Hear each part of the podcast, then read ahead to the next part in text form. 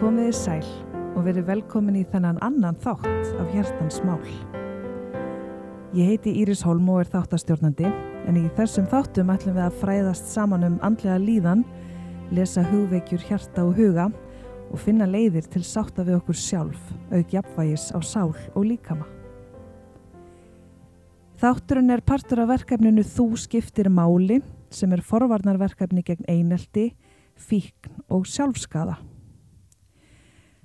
Við hvetjum þá sem eiga til greinar eða hugveikjur og vilja deila þeim með hlustendum til að senda okkur tölvupost á hjartansmál.irisholm.gmail.com Þín skrif getur fengið rödd í þættinum og um leið hjálpað öðrum í þeim verkefnum sem lífið býður svo oft upp á. Í þættinum í dag fær grein heiðósk rödd. Heiða er fíkni og forvarnaráðgjafi auk þess að vera NPL markþjálfi. Hennar sér svið eru fíkn, bati, fjölskyldumál og persónuleg markþjálfun.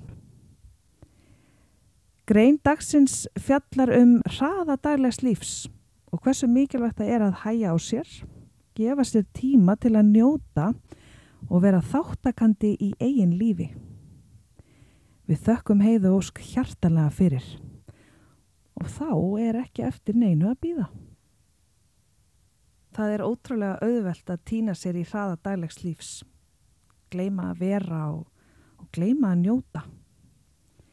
Lífið fíkur fram hjá og í daginn vöknum við og áttum okkur á hverju við höfum mist af, mist af að njóta í eigin lífi.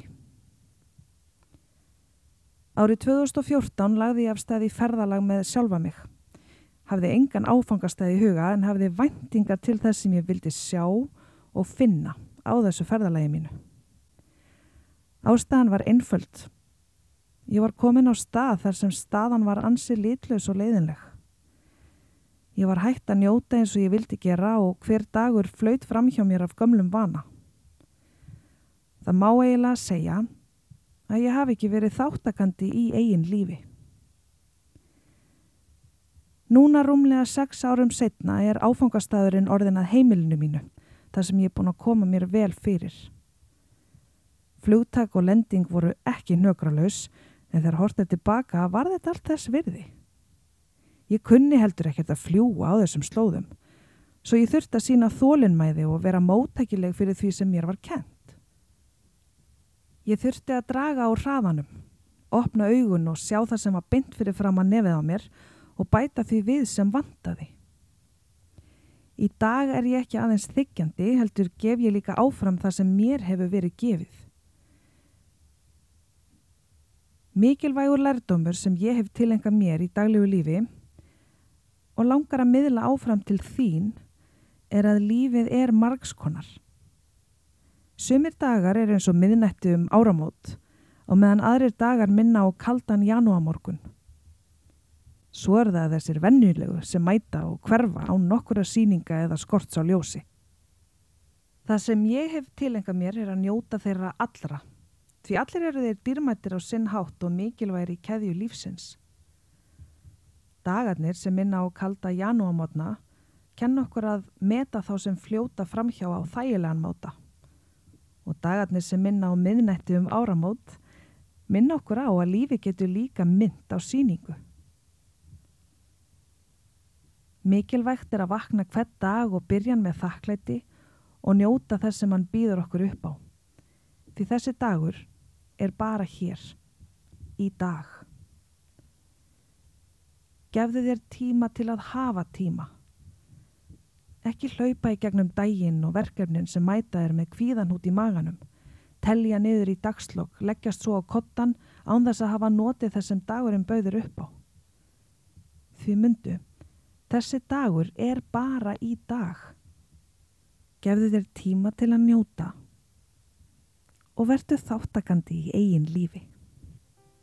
Við þökkum heiðu ósk enn og aftur fyrir þessa aðsendu grein og um leið vil ég minna ykkur á að ef þið óskið eftir að ykkar efni fái rött hér í hjartans mál þá er um að gera að senda tölvupóst á hjartansmál.irisholm.gmail.com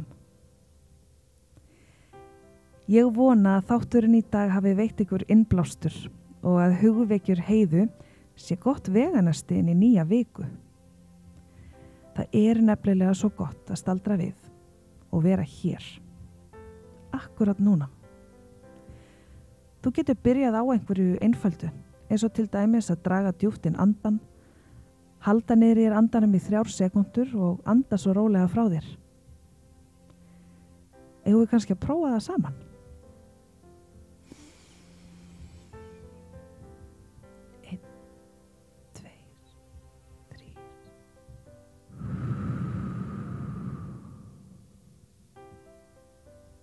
Frábært.